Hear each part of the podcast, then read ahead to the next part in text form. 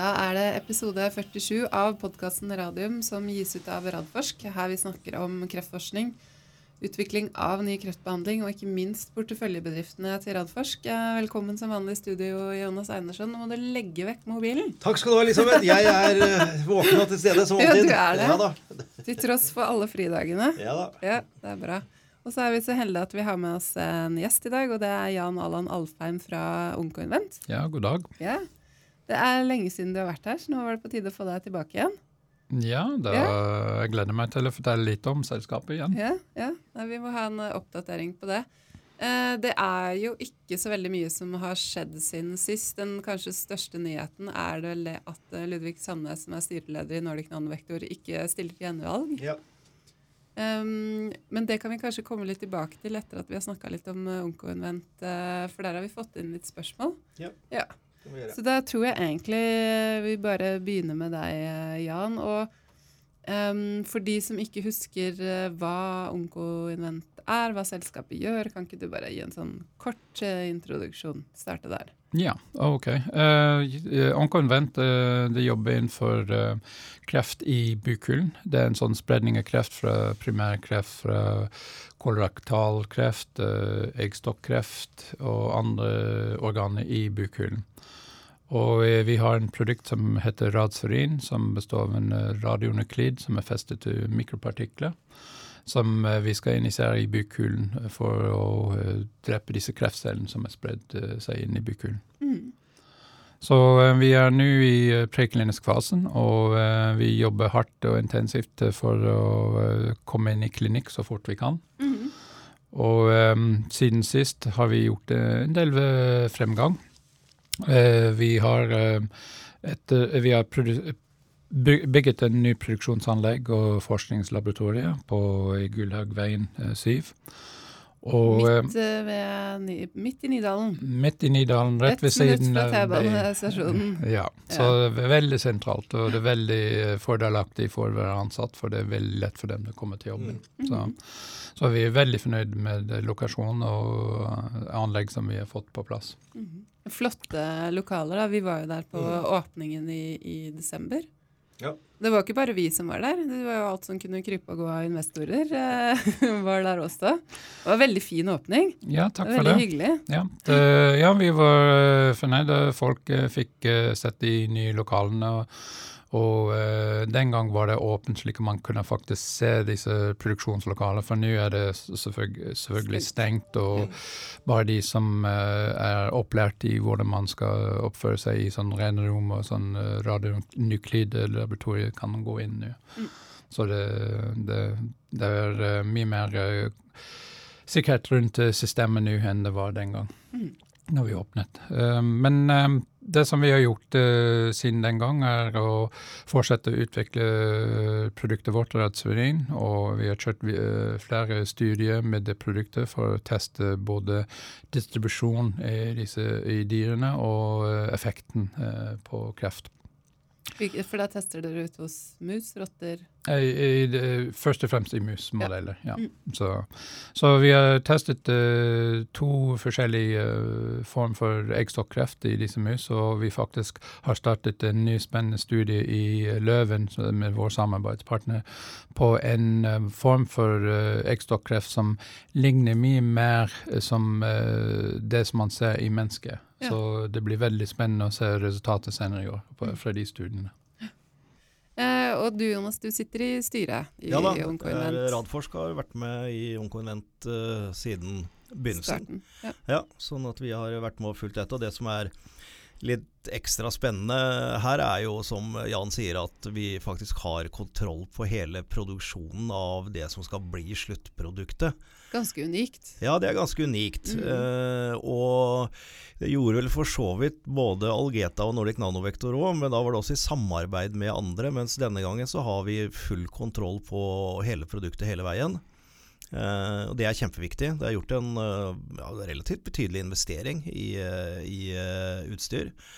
Og så er det dette med at dette er lokal behandling, som, som Jan sier, og som er et veldig stort problem for de som har denne type kreft som sprer seg til bukhulen, da, spesielt da med, med eggstokkreft og, og kolorektal kanser, så er det det som er problemet til pasienten. Det er det man dør av. Ja. Det er mange mm. lyttere som også kjenner godt til PCI Biotech mm. og deres uh, studier for gallgangskreft. Og det er på en måte samme tankegangen. At du har et lokalt problem med en kreftsykdom, og det er dette lokale problemet som ja, tar livet av pasienten mm. uh, i begge de tilfellene. Og hvis vi da kan klare å komme inn, og her er, er jo tanken den at uh, disse pasientene går gjennom en veldig store operasjoner. Uh, hvor det fjernes til dels store masser av, av kreftsvulster og tumorvev mm. inne i bukhulen. men så er problemet at kirurgen ser jo ikke alle kreftcellene. Og det er masse små kreftceller og småsvulster som er igjen. Eh, og det er de som da igjen begynner å produsere denne væsken som, mm. som uh, da produseres inne i bukhulen, som er full av kreftceller. Mm. Uh, og da er tanken at vi med den lokale applikasjonen kan utsette hvor lang tid det tar før det kommer tilbake. Og få en bedre lokal kontroll. Så det er veldig sånn litt annerledes av mye av det andre vi jobber med. Men så så er det jo selvsagt da de, de, de gamle, ho, gamle, hodene med Roy Larsen og Øyvind Bruland i spissen som ja. står bak tankegangen. Og da, da, er det som alltid med de at det er ganske logisk å forstå det de driver med. De har en, de har en plan. De har en plan, ja. ja. Men uh, siden sist så har dere også valgt uh, regulatorisk vei, for dere var faktisk litt i tvil uh, om, det, om dere skulle velge medisinsk-teknisk utstyr eller legemiddel i hvert fall Sist vi var her, så hadde dere ikke bestemt dere helt enda. Det ja. var en mulighet faktisk for å gjøre dette som et medisinsk-teknisk utstyr, men den veien har dere ikke valgt. Riktig. Nei, uh, du skjønner, når vi startet Onkonvent, uh, vi sa på den muligheter å kanskje komme på markedet tidligere om man uh, gikk som den veien eller den, brukte en strategi å utvikle produktet som en medical device. Mm. og den gang var det slik i Europa at uh, kravene til medical device uh, var uh, mye lavere, og den kliniske dokumentasjon dokumentasjonsbyrde var mye lavere. Men i fjor, i 2017, kom EU med nye regler rundt medical device-produkter. og Uh, med de nye, nye reglene er det slik at uh, det er ikke så lett, og det er mye mer kostbart. Det tar mye lengre tid å utvikle medical device. Spesielt uh, på de produktene som kommer på markedet rundt 2020 og etterpå. Mm. Så den fordelen man først tenkte var mulig med uh, Radsferin, vi, vi, fant ut det var, det var ikke det samme. Uh, situasjonen nå lenger som det var uh, når vi startet. Så vi tok en uh, grundig evaluering av uh, hva det vil si å utvikle produkter som en medical device, og hva det vil si å utvikle det som, som farmasøytisk pre preparat. Og vi fant ut at alt i alt var det mer lønnsomt for selskapet og mer fornuftig å gå den farmasøytiske vei. Mm. Så da bestemte styret seg nå i vår på, for å gå den veien med radsføring. Mm. Eh, og når tenker du at dere går i klinikk, altså First in Man? Vi har eh, tar sikte på å komme i klinikk til begynnelsen av neste år. Ja. Eh, vi jobber hardt for å sende inn all dokumentasjon i år for at det skal skje. Mm. Og husker jeg riktig, var det sånn det at dere tenker Det blir ca. 14. januar. Ja, cirka. Har begynt å guide på datoer. Nei, Jan, jeg mente ikke det. det. det. er så lenge det er du som går på record. Ja, det, ikke sant. Der, ja. men, men, bare for å si det, være litt seriøs. seriøst. Det som uh, har skjedd fordi vi har tatt eh, den valget. Blant annet vi må få uh, en lisens for å produsere radsferin uh, som en farmasøytisk mm. preparat. Mm. Så Medical Device har de ikke behov for den lisens. Så mm. det, det, krever selvfølgelig mer dokumentasjon og data for å komme dit at man får en lisens fra SLV for å få produsert. Så det, det, den betyr at vi uh, må, må, ta litt med lengre tid å komme i klinikk, men den totalt uh, tid det vil ta for å komme på marked, uh, er omtrent det samme. Ja. Uh, og husker jeg riktig når det er sånn at uh, dere skal kjøre da kliniske studier i Nederland, i Løven? Nei, ikke i Nederland, i Belgia. I Eh, Belgia, vi vi har, tar sikte på å kjøre den første studiet studien i, her i Norge på Radiumhospitalet og i Belgia. Ja. Det, Mm. det blir den første studien. Eh, I senere studier vil vi da utvide det til eh, andre sentre i Europa og i USA. For dere har en, har en um, samarbeidspartner der, ikke sant? Ja, vi, vi har en samarbeidspartner Mm. i, for å produsere produkt eh, i Canada, slik at det blir veldig lett å få produkt til disse amerikanske sentre. Spennende. Hva tenker du om dette? Du som er styremedlem. Nei, jeg syns vi har eh, lagt et uh, veldig solid grunnlag, jeg. Og, og som Jan sier, altså selskapet gjorde en svært grundig jobb med å vurdere Vi kalte det jo et for The Two Stairways to Heaven til å Ja. begynne med, fordi vi faktisk ikke var sikre på hva som var det beste for uh, pasientene og for uh, aksjonærverdiene våre. Eh, nå er det løpet lagt. Eh, dette er et løp vi kan. Dette har vi gjort før, både Jan og undertegnede og, og flere. Mm. Eh, med svært gode kliniske samarbeidspartnere. Du nevnte Løven. eh, en, eh, virkelig en key opinion leader innenfor denne kreftformen som vi har der nede. Eh, det betyr også at vi får stort fokus på å få pasienter inne i studien når de setter i gang. Dette har vi snakka om før, hvor utrolig det viktig, det, viktig. ja, hvor viktig Veldig, det er. viktig. Uh, at dette vil være et prioritert prosjekt uh, hos de, og samme nå også med klinikerne på Ramstallet, som virkelig viser stor interesse Ja, for å være med på dette. Så, så jeg mener vi har lagt et uh, solid grunnlag. Vi har bygget sten på sten i Ungkonvent. Vi brukte noen år med veldig lav uh, burn rate til å begynne med, for å finne ut hva er det vi skal gjøre, hva skal vi satse på. Og så ble det tatt av den hovedbeslutningen at det var Ratsferien som skulle utvikles. Den var jo ikke ferdig preklinisk eh, utviklet da, så det har jo dere gjort nå underveis.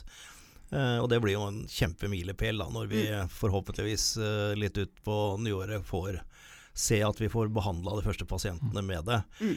Eh, og så har de gjort en del museforsøk også underveis, eh, og spesielt da den det er litt sånn teknisk, men det er litt interessant. fordi at den første modellen som man brukte på disse musene, så var det en sånn cellelinje som var svært aggressiv. Eh, og det vil si at den da spredte seg rundt i hele musa og tok livet av musa veldig kjapt. Eh, mens det vi skulle se, var at, det, at vi klarte å bremse inne i bukhulen. Eh, for det er jo det som er problemet når vi skal over til, til ut i klinikken til mennesker. Og så har de da laget denne nye musemodellen som Jan uh, forteller om, som sprer seg mye senere ut fra bukhulen. Og da ser vi virkelig hvordan mus som har fått behandling, ikke Altså beholder sin kroppsform, mens de som uh, ikke har fått behandlingen, da eser ut og, og, og virkelig får problemer med, med dette. Så, så igjen, som jeg har sagt før, det er liksom det er ikke mus vi skal kurere, men, men de viser jo, peker jo i, i riktig retning. Så jeg, jeg syns dette er blitt et veldig solid selskap nå. Mm. Um, finansene, da? Dere har, gjorde en emisjon i fjor, Ja. hvis ikke jeg husker feil. Ja, vi, vi hentet inn eh, 210 millioner, og, Ja. og eh, vi har ikke brukt eh, veldig mye av de pengene ennå. Det står mest på konto ennå. Så for mesteparten av den penger var beregnet til eh, disse kliniske studier. Mm. Så det, når vi har først kommet i gang med, med det, at eh, vi vil øke burn rate over det vi Ja. har per i dag. Eh, og da er det liksom for tidlig å si noe om hva dere tenker i forhold til eh, børs, ikke børs. Nei, styret har ikke tatt eh, stilling til eh, den spørsmålet ennå. Det kommer lengre, lengre ned i løypa. Rett og slett. Eh, ja, men så bra. Er, eh, du skal til ASKO, eh, som er liksom en av de største kreftkonferansene som er i juni. Du skal ikke dit, for du skal til Bayo, for det går samtidig. Ja, jeg skal til Boston. Klønete Ja, Det er litt kjedelig opplegg. at de kommer samtidig. Ja. Men det blir mer å representere selskapene våre for meg i bio og Ja. møte investorer Partnering. og andre partnering-jobbing. Mens ja. da Jan selvfølgelig også kommer til å møte både Key Opinion Leaders og, og andre Pasco, men der er det også å, å følge på hva som skjer Mm. innenfor dette markedet. fordi det er jo vi veldig opptatt av også å se hvordan radiofarmaka på en måte er i ferd med å får en renessanse på mange måter. Og, og, og i, tidligere var jo, var jo litt engstelig med Algeta og Sofigo. Du holdt jo på med det også, Jan. Med hvilke hurdles det skulle være. Var det de legene som var onkologer, kreftleger, eller var det de som jobbet med stråling og, mm. og som skulle ta dette? Men, men, nå har jo på mange måter både Algeta og nå også Nordic Nanovektor bana litt veien for at man ser at, uh, at det, dette er en god behandling. Mm. eh, og, og, er en videreutvikling av det ene benet, altså av, av, strålebehandling. Men som vi har blitt mye mer Nesten så vi kan kalle det personal, persontilpasset medisin. Mer det vi driver med nå enn en generell stråling. Ja, absolutt. Eh, det er personalized medicine på en annen måte. Ja. Vi produserer de første produktene som Radspherin-produkter kommer til å være produsert per pasient. Så mm. dåsen blir bygg, lagt til den pasient og hvor stort den pasient er. Så mm. på den måten er det absolutt personalized medicine. Så. Ja. Og så litt målretta også, er det vel det du tenker på? Ja, denne, ja. denne her har jo ikke noe mm. i, i motsetning til til de to første, da, som med, med Sofigo og, ja. og Betalutin, så har jo de på en måte en sånn styringsrakett som, som gjør at de oppsøker kreftcellene der de er. Mm. Mens her er poenget at de, de isotopene og disse mikropartiklene skal holde seg inne i bukhulen mm. Eh, og være lokalisert der, og, og ikke lekke ut, men, men, bli der og så lenge at de gjør nytten sin og mm. degraderes der og da. Så det er, li, det er litt annerledes, men, men, det er mer en, jeg vil kalle det mer en lokal behandling enn en målstyrt behandling. Ja. Mm. Men uh, jeg tror det er også trygt trygg å si at um, med alle fokus man har hatt på CAR-T og disse inhibit, checkpoint inhibitors og sånn, man ser allerede nå at uh, det blir ikke nok med det heller ikke. Nei. At uh, man må ha flere form for behandling ja. for å hjelpe disse pasientene. Mm. Så uh, det er ikke tvil om at uh, radiofarmaka kommer være en veldig nyttig og viktig verktøy for legene fremover mm. med disse kreftpasientene. Så bra. Um, det, har dere noen konkurrenter, holdt jeg på å si? Ikke, ikke, direkte. Nei. Det som eh, er eh, kjennetegn på eh, eggstokkreft og kolorektalkreft som sprer seg til bukhulen, er at det finnes ikke noen gode løsninger. Og de få produkter som man har testet i, på den form for kreft, har ikke vært særlig vellykket. Så om vi kan komme med, en produkt som uh, forlenger livet til disse pasienter, gir dem bedre livskvalitet, jeg tror det vil være meget vel, velkommen mm. mm. hos uh, onkologene. Fordi det er rett og slett ikke noen annen løsning for disse pasientene. Så her er det det man sier sånn high unmet medical need? Yes. Ja, nettopp. Men hva, altså myndighetene der, altså de regulatoriske myndighetene, har vel der vært veldig interessert i å få nye produkter? Hva tenker man der i forhold til uh, uh, altså mulighetene for å få kortere løp, og spesielle ordninger? Eller er det for langt fram? Vel, jeg, jeg, tror man må se på de data som kommer ja. fra de kliniske uh, program, for å si hvilken vei vi kan uh, gå på med akkurat uh, tanken på det. Ja.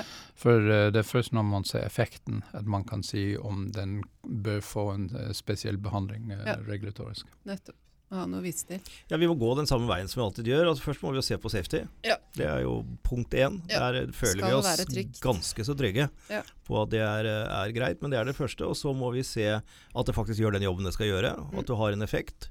Og så må vi over i en eller annen form for randomisert studie og sammenligne mot uh, det som er standard of care-behandlingen. Og så jo bedre data og jo raskere du kan lese det av, jo større mulighetene for diverse X-rated approval og, og, og den, den, type ting. Men det, det, det, er som Jan sier, vi må, vi må vente og se noen data først. Ja. Ja.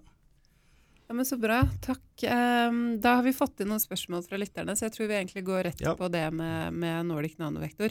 Um, og du kjenner jo dette selskapet veldig godt, uh, for du har vært uh, både leder og finanssjef, ja. Vel, ikke finanssjef, uh, CEO. ja. ja, nei, jeg var daglig leder fra 2011 til 2014, mm. og var CEO til 2016, så ja. kjenner til selskapet fra den tiden. Ja. Eh, men, men sånn på generelt grunnlag, altså når man da både mister eh, daglig leder, CEO Luigi Costa, og styreleder samtidig, altså hva, hva Eller mer eller mindre samtidig, da. Ja. Hva, hva, altså på generelt grunnlag. Vi, vi har hatt den samme diskusjonen i Innovasjon Norge, som har gått litt i mediene, Mm. i forhold til styreleder der som ble byttet ut, og så var det egentlig en prosess i forhold til daglig leder. Altså det, det blir mye Hva gjør det med et selskap? Mister man liksom momentum, eller er det ikke så farlig? Eller? Jeg er ikke så sikker på om det er så farlig i det stadiet det selskapet er nå. Ne. Det er en uh, veldig kvalifisert uh, stab av folk som jobber i, i Nordic Nanovektor med stor internasjonal erfaring. De har én oppgave nå, og det er å få i gang det Paradigm-studien og produsere de dataene de skal. Mm. Pluss at de skal berede markedet for å være klart for produktet når det kommer, eh, hvilket jeg syns de har levert veldig godt på nå. Så er det aldri heldig med sånn turbulens. Uh, og Luigi var vel uh, ganske ærlig og grei, syns jeg, når han eh, sto opp og sa at hans måte å kommunisere på tydeligvis ikke har klaffa helt i det norske markedet, og at det var skapt mye usikkerhet. Og Vi har vært borti i dette tidligere, det at de gambla på at de skulle få åpna Radiumhospitalet sånn Mm. uh, umiddelbart, og så fikk de ikke det. Uh, og så ble det ja, egentlig ikke forsinkelse, for de andre sitene i, rundt omkring i resten av verden ville jo ikke åpna noe tidligere allikevel. Nei. Men det var denne magiske da med å få Mm. liksom første pasient uh, i behandling. Eh, det venter vi jo på resultatet fra, den, fra det REC-møtet. Det er vel nå en- any day Mm. at det skal komme. Jeg tror det er tre uker de har som frist etter, eh, etter møtet, det er vel en to uker siden eller noe sånt nå. Ja.